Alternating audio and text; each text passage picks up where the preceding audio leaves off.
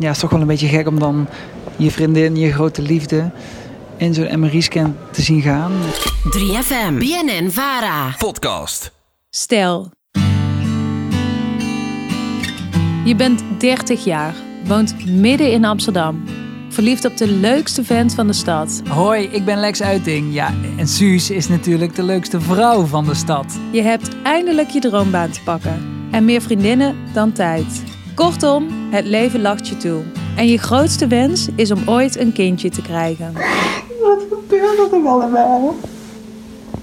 Dan krijg je te horen naar een uitstrijkje bij de huisarts. Wat we wel hebben kunnen vaststellen, dat in een van de twee biopten die ik had genomen, eh, dat daar wel kankercellen in zijn gevonden. Je hebt baarmoederhalskanker.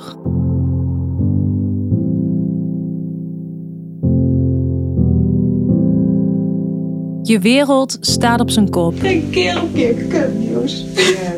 Er moeten onmogelijke keuzes gemaakt worden. Ik, ik, ik denk gewoon dat ik het echt niet wil. Chemo. En je leeft tussen hoop en vrees. Suusje, je bent heel sterk en je kunt dit. En ik hoop dat ze nooit bij me weg is. In de podcast De Tumortapes hoor je ons persoonlijke, eerlijke en rauwe verhaal.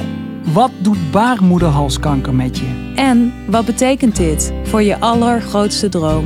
Misschien dan geen kind, maar ja. Als het goed is, blijf je toch bij me. Oh, Ik beloof dat ik dich altijd vast blijf houden. Ik beloof, ik heb dich leef mijn leven lang. Ik beloof, ik ben de rassen ooit zoals vallen.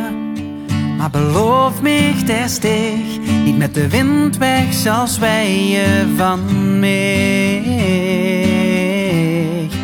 Wij niet weg van mij.